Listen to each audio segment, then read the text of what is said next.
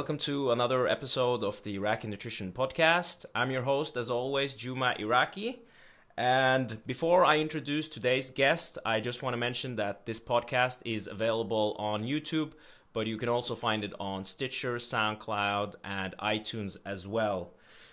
Today's guest is, by popular demand, the man, the myth, the legend, Dr. Eric Helms. Eric, great to have you back on the the podcast. I think this is the third time you're on uh, the Iraqi Nutrition podcast. How are you doing today? Well, first, I just want to thank my mother and my father. Uh, it's an honor to be here, and I couldn't have done it without my team. Um, so, thank you for this this this honor of being the, the three-time inaugural guest of, uh, the Juma Iraqi podcast. Thank you very much. My pleasure. My pleasure. So um, great to have you back, man. It's been a while since you were here the last time. And I think this will be a really interesting episode for a lot of our listeners. But for people that might not know you, I don't know who wouldn't know who Eric Helms is, but there might be some people out there. So could you give us an introduction about yourself? Absolutely. So I am a research fellow at the Sports Performance Research Institute New Zealand. Um, and uh, in addition to being an academic who works with master students and PhD students and conducts research, um, I'm also a coach at 3D Muscle Journey and the chief science advisor for 3D Muscle Journey, where we work with drug free strength athletes and bodybuilders and promote evidence based information. Um, I've also I'm also an author and uh, a reviewer along with Mike Zourdos and Greg Nuckols for MASS, Monthly Applications in Strength Sport, where we review the most current research uh, relevant to strength and physique athletes every month. So basically, I kind of fashion myself a science communicator for the drug free strength community and do the best I can to serve that community. And I'm happy to be here. Excellent. And I think you're doing a, a great job. Like one of the most frequent books I recommend to students is the training and nutrition pyramid books that you've written. Um, is there uh, is there a second edition that's coming to that? Uh, I know you update it frequently.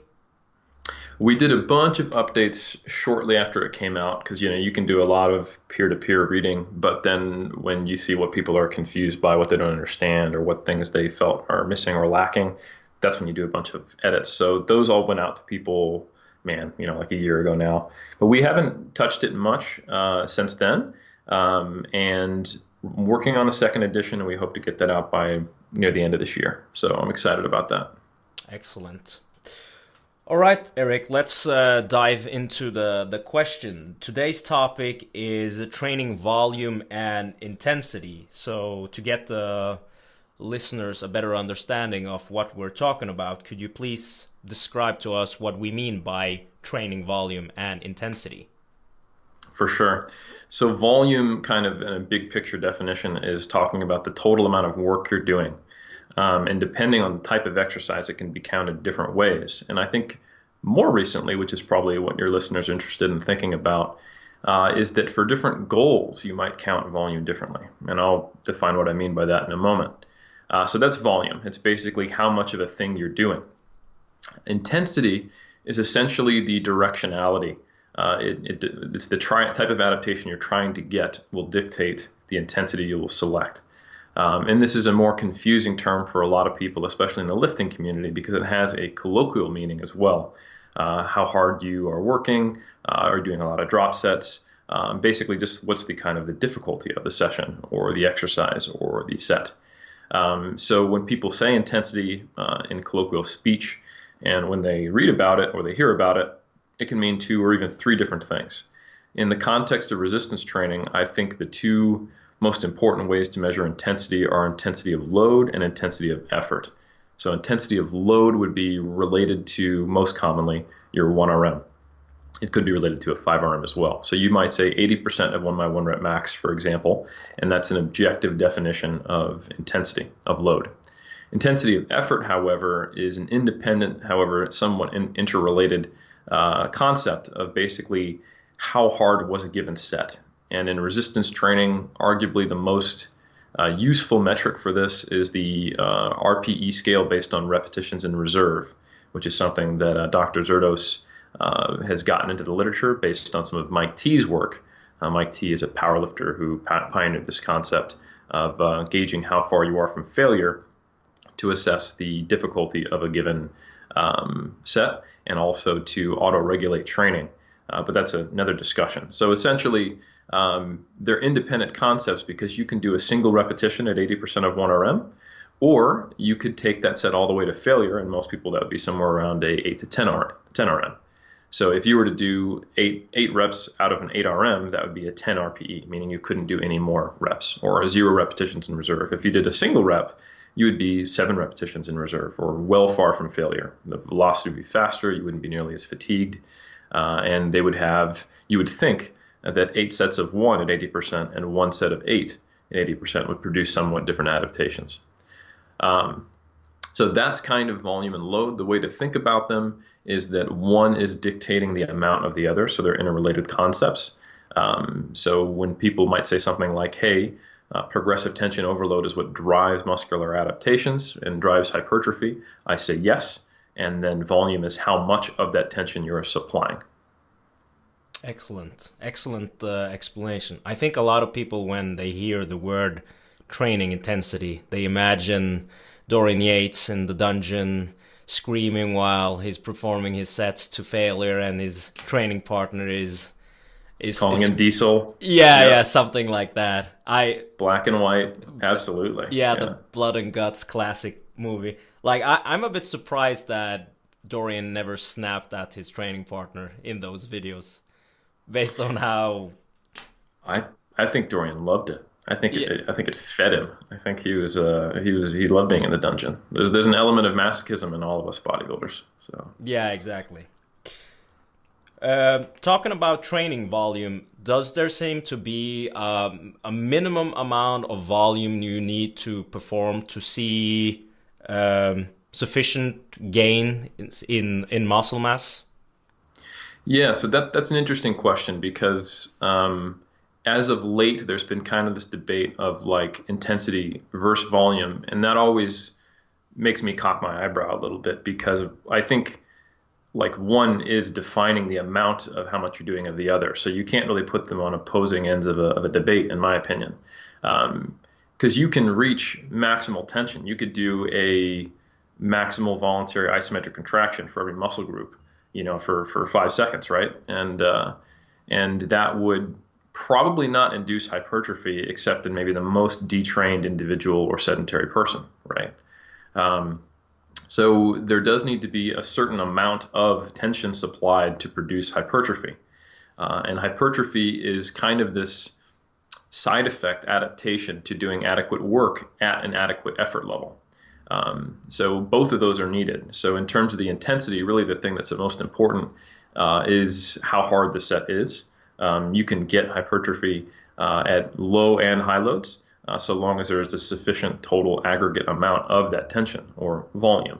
So there does seem to be some level of, of volume, but it's actually quite low. Like if you take an untrained person and just have them do, say, one set somewhere between the 6 to 20 rep range uh, that is difficult, you know, somewhere around, say, a 7 RPE or higher, uh, I think you'd see robust hypertrophy adaptations. And we see that in the literature. You know, while there is a um, somewhat of a dose response curve to doing more volume and getting more hypertrophy to a point. Um, when you look at the lowest volume conditions, especially in untrained individuals, you see a big jump in gains just from doing one set programs. Um, and that can account for sometimes more than 50% of the gains that you might see in a study. Uh, not always, but sometimes. So um, there is a requirement for volume to get sufficient adaptations, but the definition of sufficient is going to be related to the individual's goals. So, for example, if I have someone who comes to me who is um, can only get to the gym for one or two hours per week, um, and you know they're going to struggle with adherence if they're asked to do something that is quote unquote optimal to get body composition change, even though their goal is body composition change. I'm going to give them something that I think they're most likely to stick to. So I might give them a circuit of doing one set on on machines or whatever exercises they like that they can perform safely for each muscle group, uh, failing somewhere between the six to twenty rep range, just because I know that'll get the most bang for their buck for the time they can spend in the gym. So when I'm talking to someone who is a general pop who's going to be in the gym for an hour and a half total per week, I give a very different message to someone who might be a uh, you know a drug-free competitive bodybuilder who's trying to get their pro card has already been lifting for nearly a decade. Um, the latter is someone who is willing to get diminishing returns, is willing to do more work to get a smaller gain on that investment, even though it's inefficient, uh, because that's what athletes do. They make uh, they put forth a fair amount of effort, even to get a small one percent improvement, uh, because they're competing. So I think it all needs to put in, be put into context. Excellent. Now, we're, when we're talking about um, volume as well, there seems to be some misunderstanding regarding uh, training frequency. Could you hmm. explain mm. a bit how you can actually use training frequency as a tool in regards to like the amount of volume you're performing? Yeah, so so if we kind of shift our conversation more towards that competitive uh, bodybuilder or strength athlete or someone who's interested in getting maximal hypertrophy, um, then we have to start looking at okay, well, what what optimizes that that response? And the most recent meta-analysis we have says you know 10 plus sets, uh, and we have some emerging data that we might end up talking about where we can see that the the level is higher than that. Um, and depending on the study and the training age that you're looking at, you know, we might be asking someone to do, you know, 10 to 20 sets per muscle group. And if you were to try to do that with a one day per week split, uh, traditional kind of bodybuilding approach, um, trying to do 10 to 20 sets per muscle group per session, if you if you split everything up that way, can be pretty difficult for certain muscle groups. Like trying to do a a 20 set leg workout um, is tough and it may make a lot more sense to come in twice per week and do 10 sets to, to maintain that quality of work. And indeed, there is also uh, a research and, and a meta-analysis that's semi-recent showing that somewhere around two to three times per week of training with equated volume outperforms one time per week. And that doesn't surprise me because you end up doing these marathon sessions if you try to hit your volume targets in single sessions per week.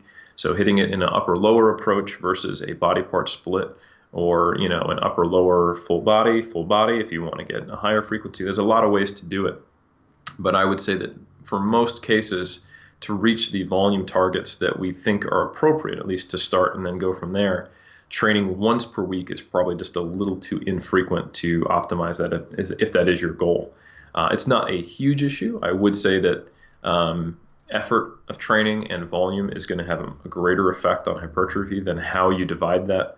Um, but it's essentially about um, making the stress imposed more efficient and trying to get a better uh, balance between stress and recovery.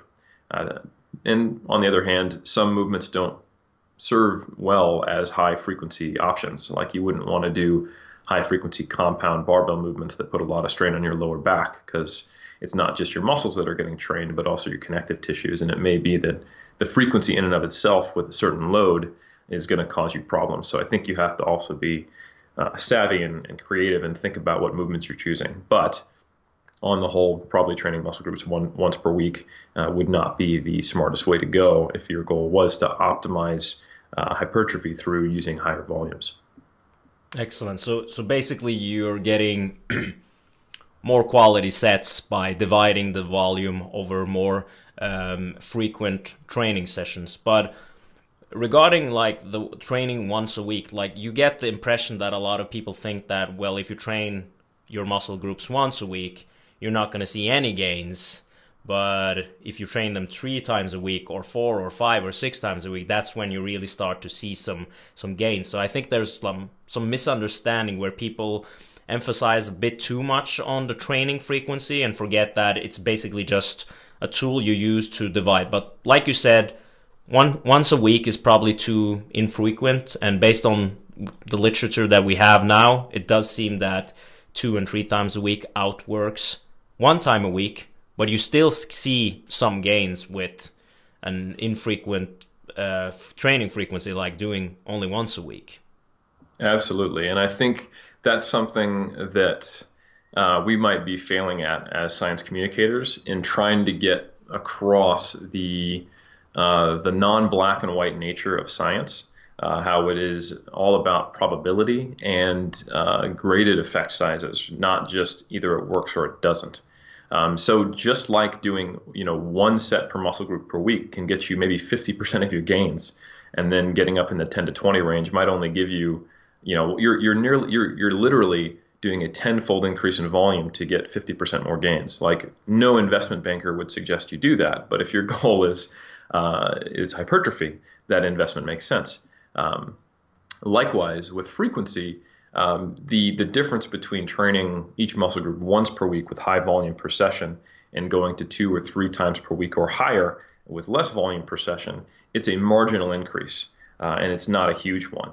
And I would anyone who would like to read about this, I would check out two open access meta-analyses that Greg Nuckols have done uh, on StrongerByScience.com. He has one for both strength and hypertrophy with frequency, and there is indeed an effect uh, independent of volume of just increasing frequency, but it's not a huge one.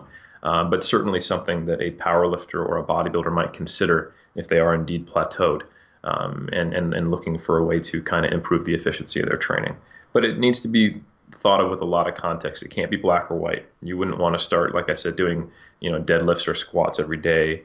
Um, most people who increase their frequency inadvertently increase their volume, and that's not necessarily what the literature supports. It says, hey, if you're doing a high volume, do less volume per session, split it up better so that recovery is optimized. You're getting an eight hour sleep period between, you're getting more meals, you're getting um, arguably a, a, better pattern that matches up with the way our body adapts to training, et cetera, et cetera. Yeah. I usually try to explain it to clients like, uh, like when you're tanning, like you're more likely to get a nice tan if you actually do uh, smaller sessions where you're exposing yourself to the sun compared to exposing yourself for too long and risking that you actually get uh, sunburned. That's a great analogy. I'm going to steal that and say that I yeah, made that. Yeah, steal, steal, steal all you want. Just use it as you're gonna, You're going to hear me. You're going to hear me talking to Danny Lennon, just just right there with your competitor, and be like, you know, I made this great analogy. Uh, that Danny, you can use it for now. You just use this on Sigma. It's all about the sunburn, and it's totally original that I created. Yeah, and you're just yeah, gonna yeah. be sitting there like, Helms. You know, it's gonna be good. Well, I have evidence that I said it first because on this podcast you can hear me saying that. So I can I might use that against you. Touche. Yeah, touche. Touche. So, yeah, yeah.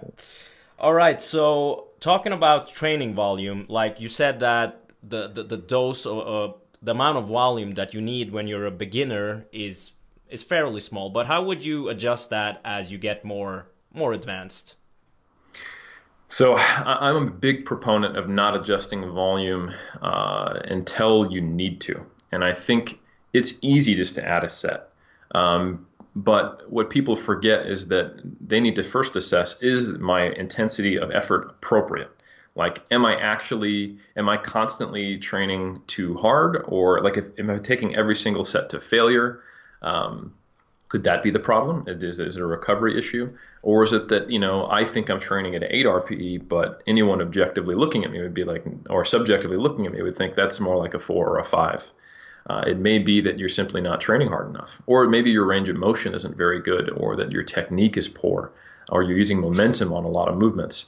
Um, there's a lot of things to consider before I just start piling more volume. Because if you have technique issues, if you have a poor setup, uh, if your sleep isn't in order, or if your nutrition isn't in order, you can be making everything worse by just piling on more and more volume. So I think it's really important that although we are establishing that as you add volume, there does seem to be, to a point, a uh, graded dose response.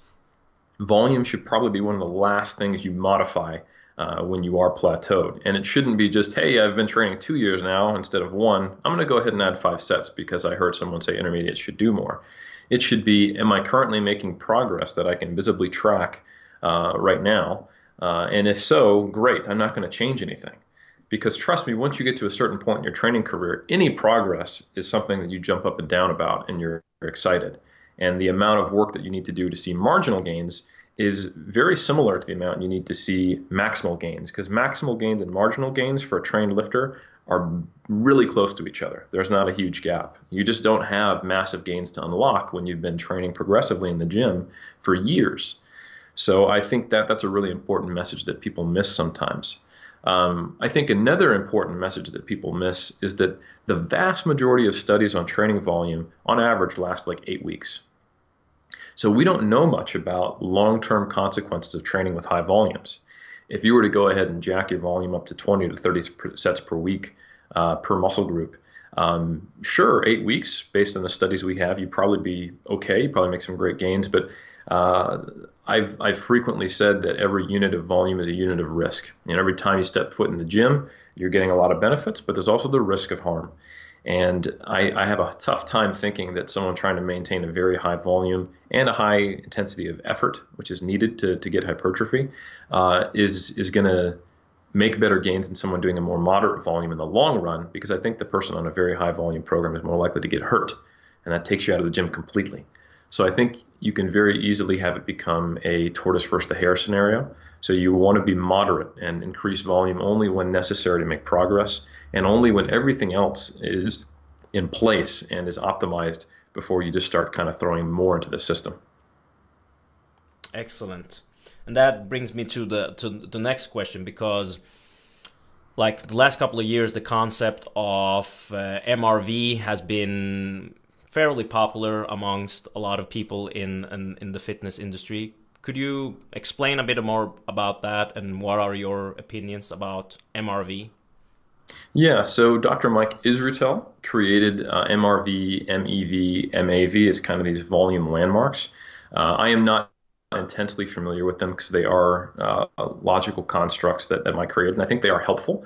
Um, so maximum recoverable volume is the idea of that the most amount of volume you can do if everything else is equal, um, where you are, are still able to recover your performance on, I think, a week to week basis or a mesocycle to mesocycle basis, whatever time frame you're looking at. Uh, maximum adaptive volume. Now, if you think about that, that means you're not getting stronger. Um, you're not seeing a performance increase. So you've done so much volume to as so as to overwhelm your ability to recover to the point where you can see the, the progressive overload, the result of the training you're doing. So that's a very high amount of volume. Um, there's also maximum adaptive volume, which you'd think would be less, uh, because if we think about the the bell curve of response to a stimulus, um, there's going to be, and this is shown in the research, and I'll talk about some of the research that shows this. As you add volume, you're going to see increases in hypertrophy, not linear. Uh, like I said, they're diminishing, uh, but eventually you get to a point where as you add volume, you're seeing no change in the rate of hypertrophy. And then you get to a point after that where you add volume and you see a decrease in the rate of hypertrophy, but you're still growing, right? So now you now you're doing a level of volume that is actually harming your rate of progress, but you're still progressing. And it's not until you fall off on the other, very other end of the curve where you're actually doing so much volume you're not progressing, and then eventually maybe even regressing, which I think would be an insane amount of volume to do uh, so really, we want to be on the upside of that curve. We want to be stopping before we hit that point where it's plateaued while we're adding volume. Uh, some people would suggest that you want to be past that for overreaching, but I don't think we have solid evidence that that overreaching is beneficial or necessary for hypertrophy, which is a very uh, localized adaptive process. Um, so, you know, and, and, and to, to Dr. Mike Israetel's credit, he has definitely changed his mind and thought about this as any I think good rational thinker does. Um, and you know, it was a long time ago when when I got on the volume roundtable debate with uh, him, Layne Norton, uh, Greg Nuckols, um, and myself and Jeff Nippard, uh, where we uh, all discussed uh, you know volume. And since then he has he's taken a slightly different you know approach of saying hey look you don't want to be around MRV all the time. That's not optimal. That's you want to maybe cycle up to that and kind of have this kind of wave loading of volume. And I think that's a very reasonable approach. It's one of many approaches. But um, yeah so essentially it's just these these defining terms that have been created recently. It's just a, a thought experiment to help people think about things. So uh, you know minimum effective dose of volume uh, the MEV, basically the minimum amount of volume you need to do to progress, and the maximum adaptive volume, the amount of volume where you're getting the most bang for your buck, and then the maximum recoverable volume, the most volume you can do while not seeing a, degradation in your in your performance in the gym. Um, and I think they can be useful concepts. I am not necessarily on the same page as as uh, Mike with having them be really useful programming constructs because I think a lot of things go into uh, whether or not your performance has recovered acutely. Um, so I think not not that they're useless, uh, not that they aren't something to look at, but I think in isolation or as principal core programming elements, um, in my mind, I, I, don't I don't hold them in that light, but I do think they're useful metrics. And I know um, you know Dr. Israetel would probably disagree with me there, and he has more experience using these concepts, so I could be wrong, or I could just be not giving them the credit they deserve. But that's uh, how they sit with me and my understanding and, and, and evaluation. Excellent. I think one of the things as well with like if you're that close to to the amount of volume that you're able to recover from, you're more vulnerable if there's any changes in sleep or the the stress uh, in your life or like life event that can happen. Uh, and that's something that many people might not think about. They think about, well, the stress is only the, the training that I'm actually doing in the gym, and then they forget that your ability to recover from training is affected by the, the nutrition part, the, the sleeping part, but also the, the stress management. What are your thoughts about that? Yeah, absolutely. I, th- I think um, we really have to consider that we are not these like input output machines of you know you put in training and then out comes adaptation and recovery is the static thing that uh, is a direct output of how our uh, we are able to recuperate from the amount of training we're doing. All of this, while that that those things are true, they all happen on this background of of this complex biological system with a brain in it, right? So you know we have data showing that that, that healing slows when you're in emotional conflict. Uh, we have data showing that the more um, stressful life events that you report subjectively, uh, the, the slower your rate of strength gains will be. Um, you know, we have data showing that uh, women who have uh, amenorrhea can correct that through counseling in some cases, which may have an indirect effect on their, you know, their energy availability if they eat more or, or less or exercising less. But we can't forget that our subjective experience of stress in some ways is the same thing as the actual objective stress that we experience. Um, so whether you've been in traffic or whether you are fighting with your spouse uh, or whether your job is, is, is, making you do some really stressful things, but it's still just eight hours. It's just uh, you're in conflict or anything. Like all of these things are going to affect your your outcomes in the gym and your body composition changes. It's not so simple as just training, sleep, nutrition.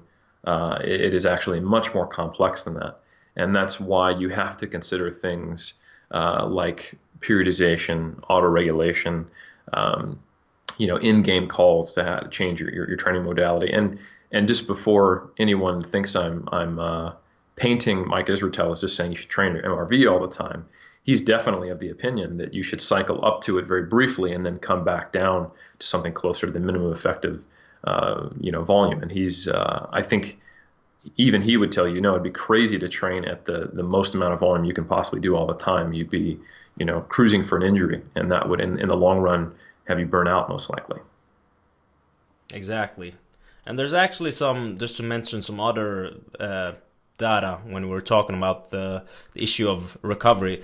There's actually a cool study on cyclists where they were um, asked to cycle to exhaustion, and one of the group uh, were um, were instructed to watch a comedy for two hours, and the other group was asked to do a mentally taxing um, assignment, and then they tested. Everything else was standardized, but the guys that were uh, told to do the mentally taxing assignment just performed way worse. Maybe because they were mentally uh, fatigued and they didn't have the same uh, like signaling to the to the to the muscles uh, and there's also one other study that actually looked at, um, I think it was um, American football players, where their risk of injury or the occurrence of injuries was higher during their exam period due to mm-hmm. higher higher stress levels. Yeah, absolutely. There's a, there's a ton on that last point. There's a ton of research showing that uh, things just go poorly in general for for athletes and at university when they're when they're doing exams. So, and that's something I've seen in practice um, with when I'm you know coaching a, a bodybuilder or a powerlifter who's still in university. sometimes we just make sure the deloads coincide with their exam weeks, you know. Mm-hmm. So I think people uh, do definitely have to consider just the, the, the total allostatic load, the total stress someone experiences, not just you know what's written down in the Excel spreadsheet. Excellent.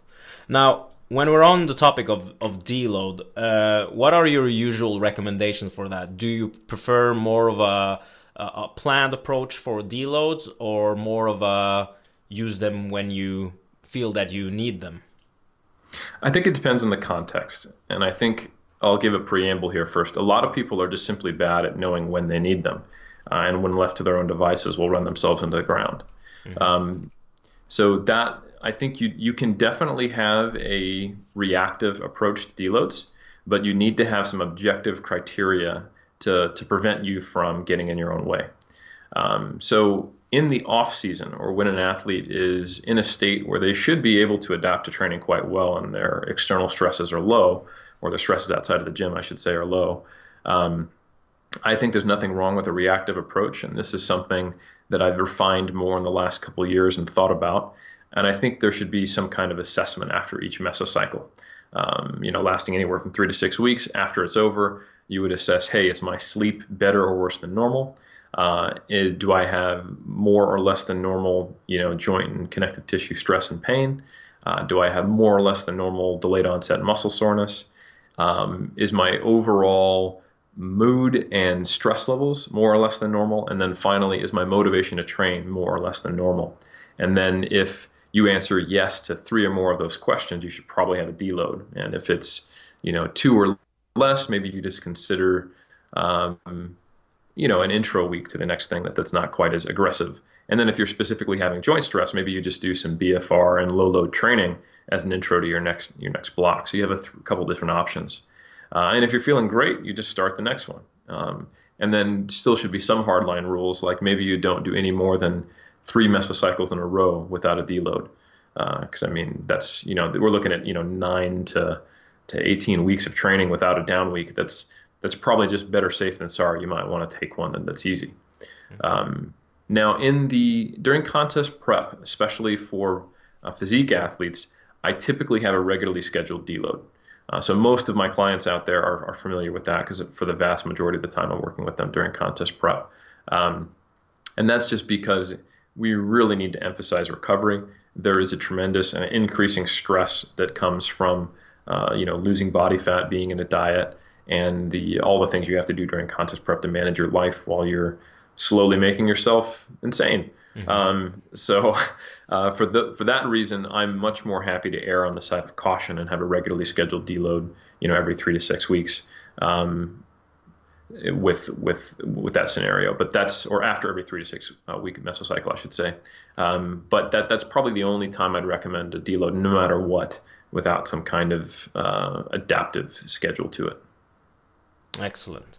Now, my personal experience is that if if like, and I've experienced this with with clients as well, that if you take it too far, and then finally when you decide to take a deload, you end up having to take a longer deload, and when you return back to training, it's almost like you're you're detrained in a way. Like your your strength levels are so much lower than when when uh, uh, like compared to where they were. So that is also might be an an a thing to consider that pushing it too far and then having to take an extended um, deload might also be problematic.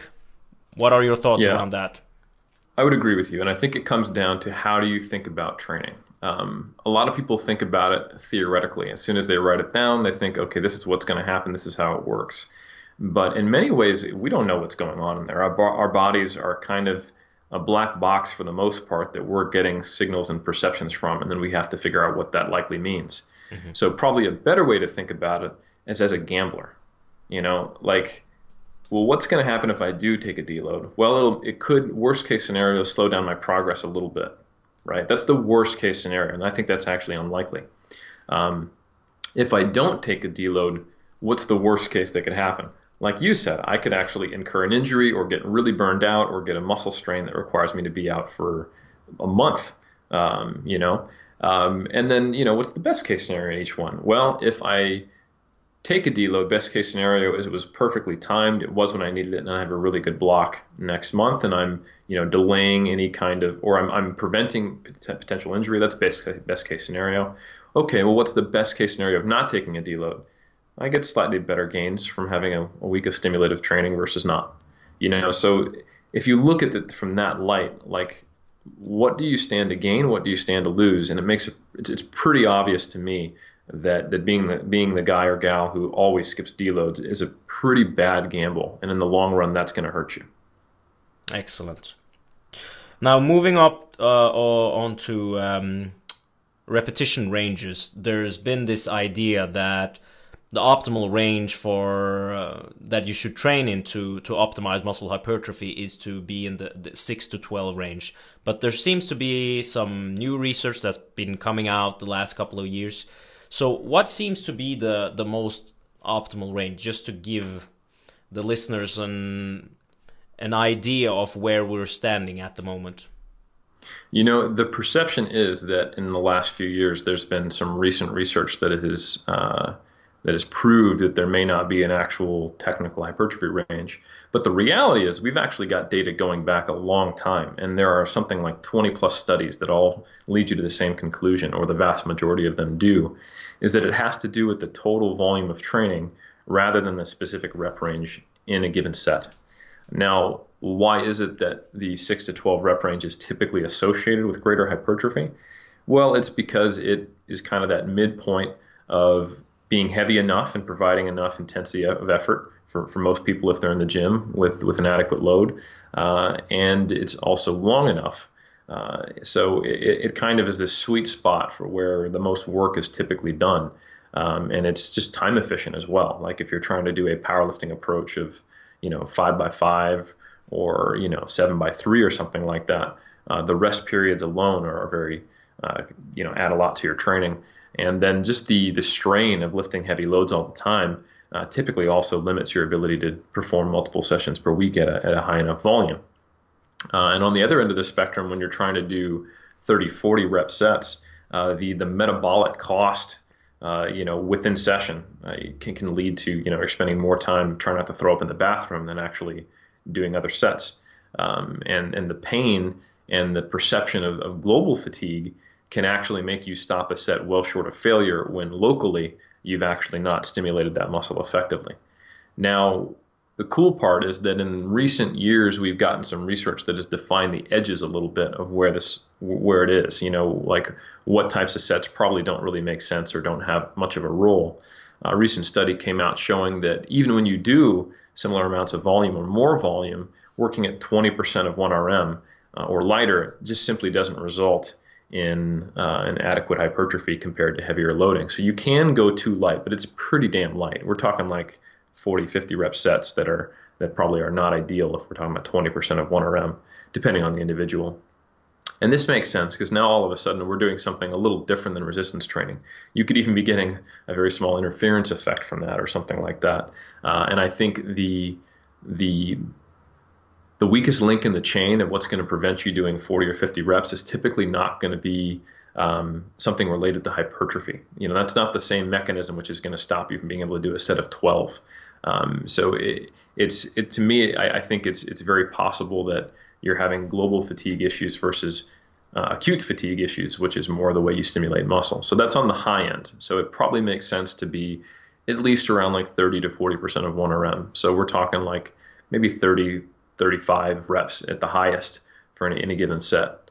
On the low end, you could certainly do singles if you wanted. You could do singles and doubles. You just have to do a lot of them. Mm-hmm. Um, and that collective group of research that we have, kind of on like 20 plus studies, there was a recent systematic review that came out uh, where they looked at uh, matching either volume load or just the total number of sets. Uh, and they concluded that a set anywhere in the range of, say, six to 20 plus, that we'll just say six to 30. Um, if it's to sufficient intensity of effort, like if you do a set of six to failure or a set of 20 to failure, for hypertrophy, not other adaptations, that's going to provide a very similar stimulus. Now, why might that be? That might be confusing for people to hear.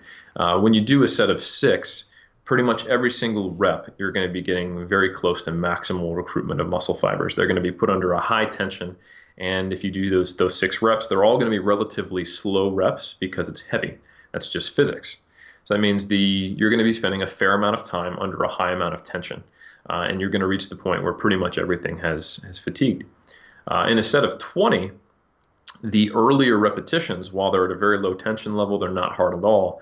They're setting up the fatigue to make the rest of the set uh, much more stimulative. And it's not just simply comparing metabolic fatigue to tension either when you do a high rep set to failure, you're still actually supplying a lot of tension because there's mechanotransduction in, in, within the muscle, meaning that tension is supplied across muscle fibers.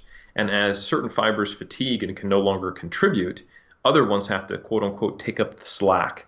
So they're getting a, a local tension stimulus even though the absolute load is lower. And you see cycling in of, of high threshold motor units when you do high rep sets. So even the high threshold motor units and their associative fast twitch fibers do get trained and eventually get fatigued because you can no longer complete the set.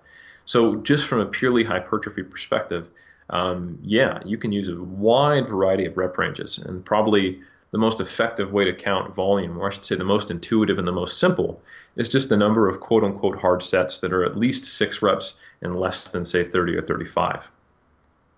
Excellent. Now th- there seems to be a lot more focus now on people maybe using some of the sets with the with the higher rep ranges, but my question is always why would you do that? Like what is the the application of actually doing that if you can get similar effect with with uh, a rep range that will probably take you not the same amount of time Mm, that's a great question. And I think there is a time and a place and an exercise specific uh, drive to what rep range you should use.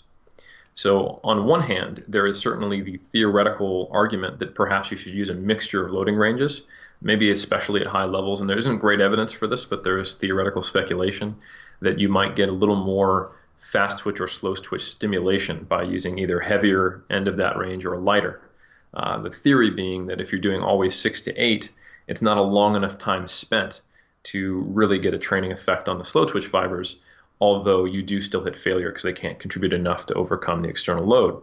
And on the other end of the spectrum, you might hit failure on a set of 30, and those fast twitch muscle fibers get cycled in, uh, but not enough to really get a, con- a, continuous training effect, and it may not be enough uh, to overcome that that 21st rep so they may not get an adequate training effect. So I think there's an argument theoretically for high level, um, you know, individuals trying to get maximal hypertrophy to perhaps train through the full spectrum.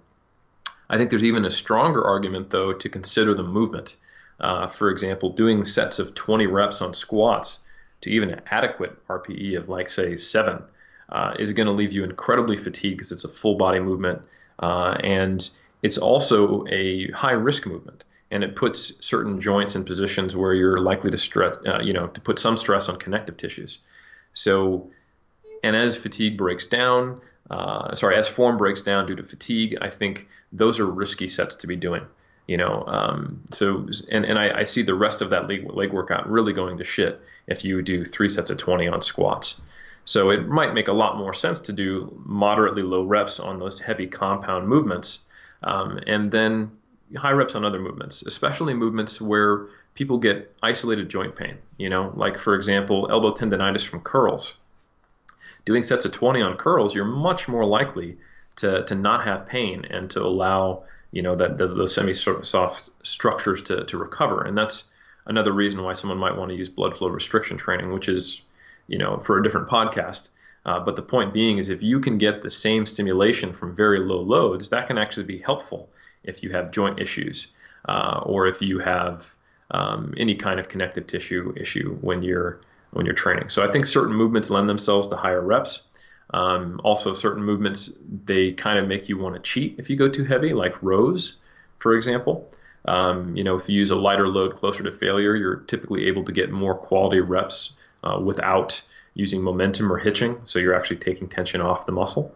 So I typically use higher reps when I do things like rows, pull downs, and isolation movements. And then I use lower reps for things like compound barbell movements, uh, where high reps would really just wreck the rest of the session. Excellent. We you mentioned a bit about uh, taking the sets to failure, and there seems to be uh, different opinions. Some people say you shouldn't go to failure. Some people say you should always go to failure. But uh, as most things when it comes to training and nutrition, there is a context that you need to take into consideration. So, what are your general recommendations on training to failure?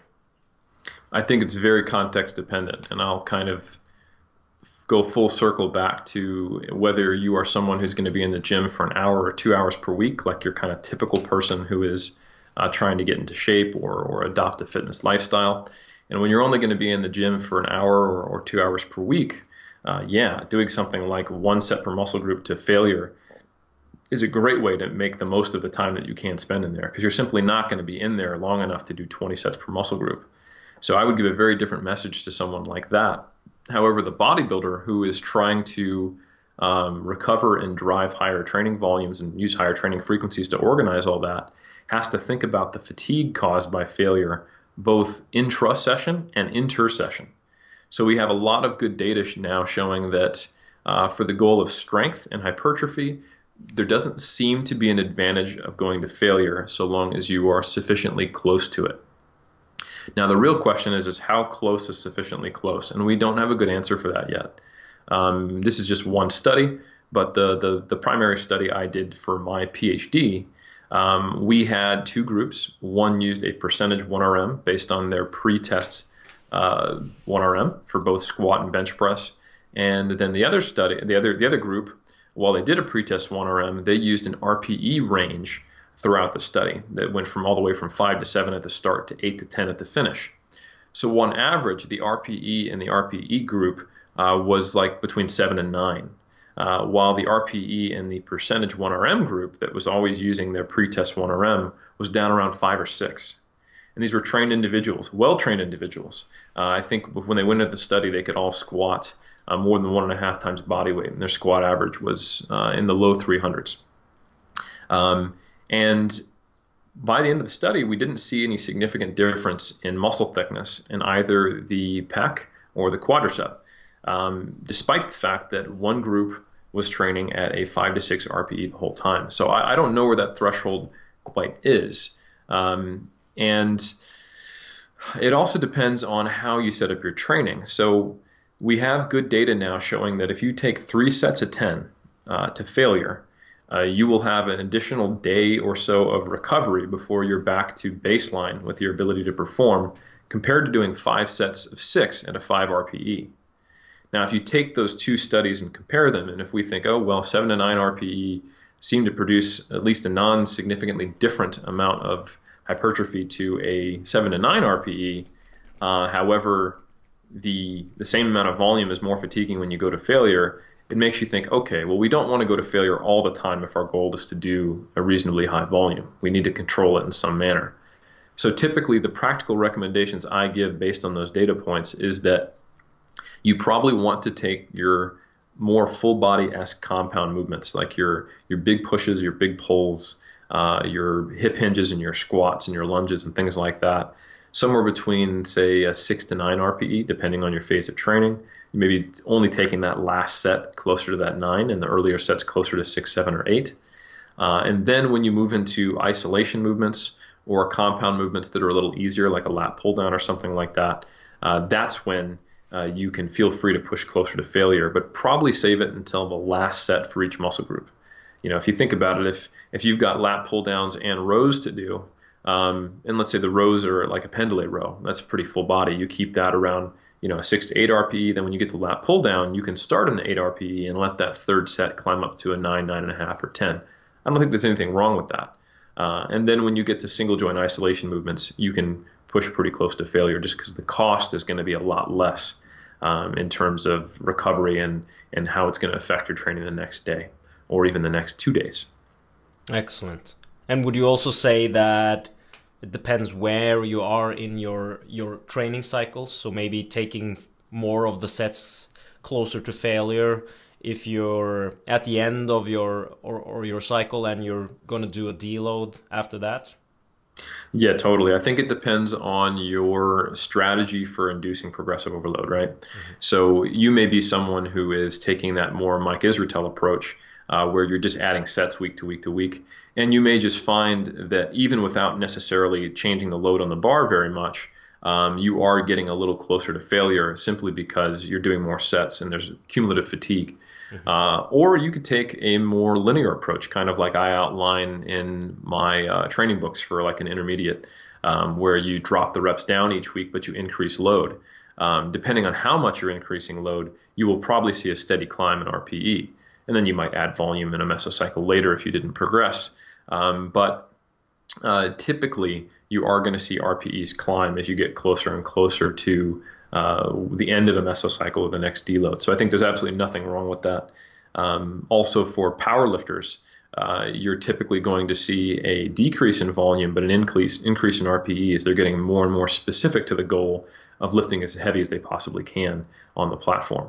Uh, so, for example, if you were to take a big step back and look at someone's build up to a couple of different competitions, you might see their earlier phases characterized by training, you know, say five to 10 reps in, in most of their, their movements and a you know five to eight RPE, and then in the very end they're training you know five reps or less in 8.5 to 10 RPE uh, to be very specific to the goal of getting on the platform and expressing maximal strength. So definitely it does depend on on where you're at in your training relative to your goal. Excellent. Now uh, you touched a bit about um, using more programmed or planned deloads when you're uh, in a when you're cutting compared to when you're off season. Uh, what about adjusting the the rep ranges and the the total volume? Do you do any changes there, like compared to the off season in during a caloric restriction phase? Yeah, absolutely. I think um, volume is, is, is stressful, uh, and there's good data to show, like we talked about, um, in someone who is not dieting, a small amount of volume doesn't mean no gains or a regression of progress. It just means less quick progress. You know, uh, now certainly at a high level, if you were to drop down from say, you know, 10 to 20 sets, and you found that's what you actually needed to progress down to like five sets, I think you would actually see some minor regression, and it would take some time.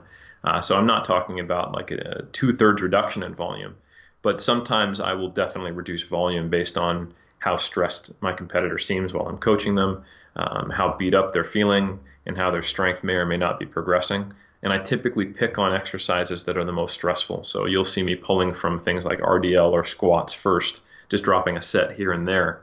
What it typically amounts to is that uh, let's say we have a 24 week prep, which is a non uncommon length of prep in modern day times for, say, someone competing in bodybuilding.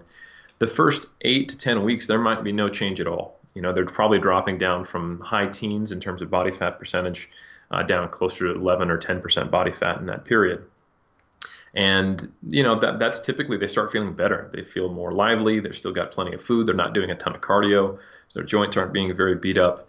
Uh, and they may even see just an improvement in fitness, and they're recovering better initially. Uh, but right around the end of that period, they're starting to feel a little more beat up. The stress of dieting and and kind of that continual focus gets to them, and there's actually physical effects as well. Um, and that's when I, you know, start picking on volume a little bit, and we might see maybe 90 or 80 percent of their off-season volume happening right around that midpoint in prep on average. And that's something I don't just do automatically. I do, you know, based on what's happening. And then towards the very end of prep, uh, you can def- definitely see that there may be a substantial reduction in volume to where they're doing, you know, three fourths or two thirds of what they might have done in the off season, just because we're trying to uh, do what they can versus try to do as much as they can. Excellent. So the next question that I have, there's been a recent study by Schoenfeld and colleagues that looked at the, the, the, dose response of volume on muscle hypertrophy. And I know that this is a study that's gotten a lot of attention. So could you first describe what they actually fi- found in the study? Yeah, for sure. So this is a study um, led by Schoenfeld with uh, Krieger, Contreras, Grgic, and a few others. Uh, and my apologies to any of their authors. I can't just remember it off the top of my head, but I appreciate your work. Um, and they had well-trained men, so I think they were on average, or at least at a minimum, I think when you look at the group, having four years of training experience or more. and they trained essentially a full body bodybuilding type split three days per week. Uh, in one group, they did one set per exercise. Uh, one group did three sets per exercise, and the final group did five sets per exercise. So on the very low end, um, they're finishing these sessions in like 13 minutes with only one set per exercise. I think they're resting between, uh, I think around 90 seconds to two minutes, if I recall correctly. Um, 90 seconds between sets, I think two minutes between exercises. And um, on the high end, you know, they're taking over an hour because they have to go through, you know, a full body exercise with five sets per movement. Now, uh, for the most part, uh, they found that performance was not that related to to volume in terms of strength. Uh, there were similar adaptations in all the groups, which is interesting, uh, and it more or less lines up with uh, a meta-analysis by Ralston and colleagues that came out that showed, you know, kind of anywhere in that five to 12 set range per a movement is going to produce a similar strength response. And I think, for one, we have to put it into context. They were using hypertrophy rep ranges in this study by Schoenfeld. Um, so it's not the same as doing like sets of five. I think there might be a maybe a stronger relationship with volume or number of sets when they're more specific. Um, but there's a huge motor learning concept, or, or, or, rather, I should say, contributor contributor to strength. It's not just how big your muscles are. Um, and on that note, um, where they did see a relationship between uh, strength per se, or performance, I should say, with hypertrophy was in isolated muscle group performance. So, for example, like leg extensions. And this isn't in the full text. This is something you can read about on uh, James Krieger's blog. Uh, they saw that there was a significant correlation between the ability to perform like total volume load over multiple sets of an isolated muscle group. So, for example, uh, quadriceps hypertrophy was related to the number of total reps at a given load you could get over multiple sets, and that makes a lot more sense. There's less less of a skill component, uh, and that's where you'd think that hypertrophy would play a bigger role in the expression of strength. So, more or less, they found that strength was not dependent on volume, and that even with just 13 minutes uh, a day in the gym, three times per week, you can get robust strength adaptations.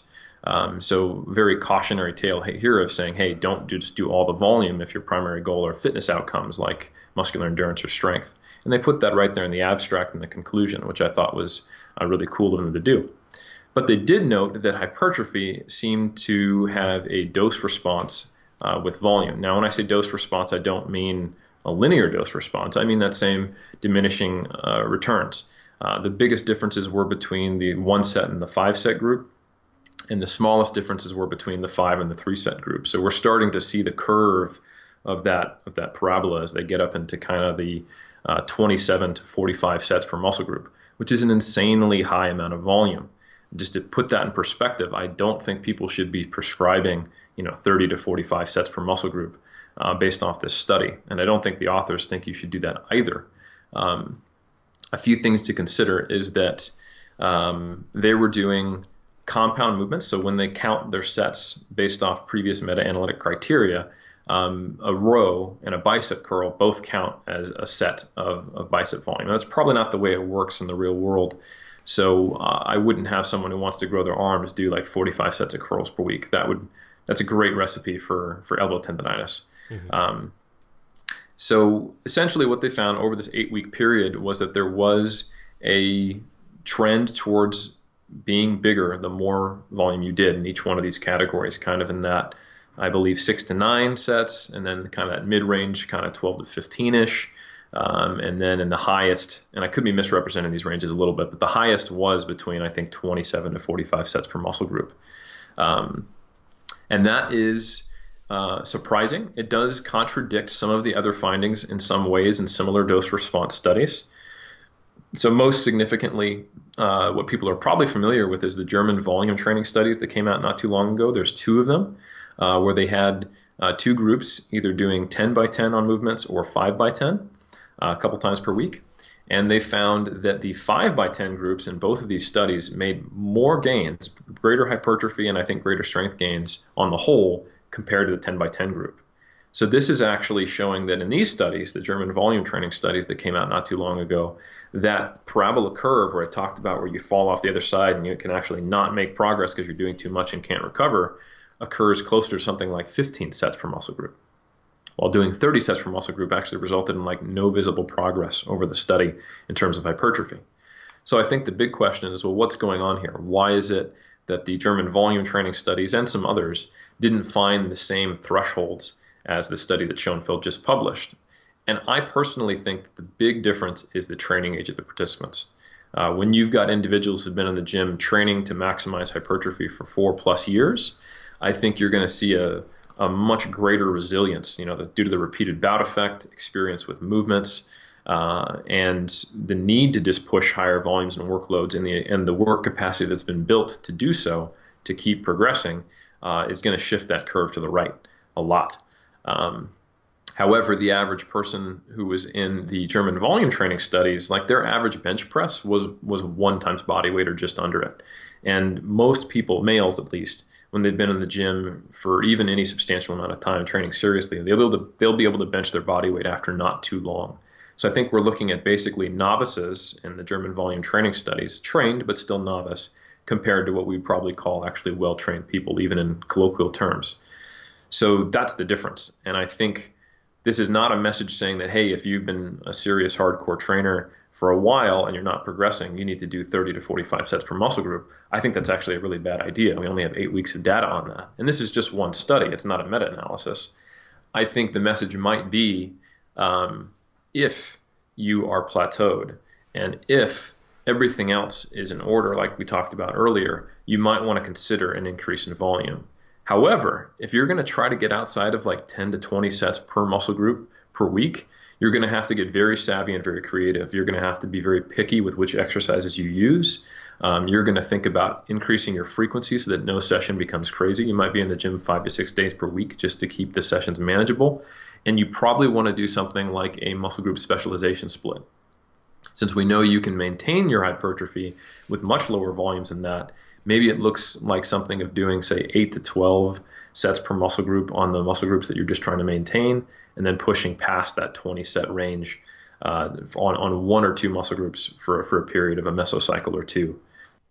Uh, and I think if you tried to take the program that was done in Schoenfeld, where you're doing you know 27 to 45 sets per muscle group on all muscle groups for longer than eight weeks or substantially longer, I think that would end up poorly for most people. Uh, so I think uh, while the study is really useful in that it shows us how the body adapts and helps us understand that theory, and I think it pushes uh, forward the idea that training age does dictate appropriate levels of volume to some degree. I think it also shouldn't be just taken directly to practice. It's it's a conceptual study, in my opinion, rather than a study that tells us what to do in the gym. Excellent, Eric. Excellent, excellent. Final question. Give us a, a take-home message to to wrap up this podcast. Quality over quantity is my take-home message. Um, it any any fool can can just do a ton of volume and hope that it works. But if you are not feeling the target muscles training, if you're not seeing uh, increases in, in, training load, or if you're making volume increases when you're still making strength progress, if you're increasing volume out of impatience uh, rather, or, or, this grass is greener mentality, or when your nutrition and sleep aren't in order, you're probably going to get more harm than benefit. And I would really uh, advise everyone to make sure their ship is in order before they start adding more sails and orders to it. Excellent. Once again, Eric, thank you so much for being on the podcast. Uh, finally, uh, is there anywhere where people can find more information about you? Absolutely. Check us out at 3dmusclejourney.com. That's the letter D following the number three. Uh, and from there, you can get links to MASS, our research review. You can get links to my books. Uh, you can get links to our podcast, our YouTube channel uh, the whole nine yards. And for those who want to see uh, old school pre steroid era lifters, uh, me lifting weights, occasional silly memes, and random links to studies and articles that are evidence based, you can follow me on Instagram at Helms3DMJ.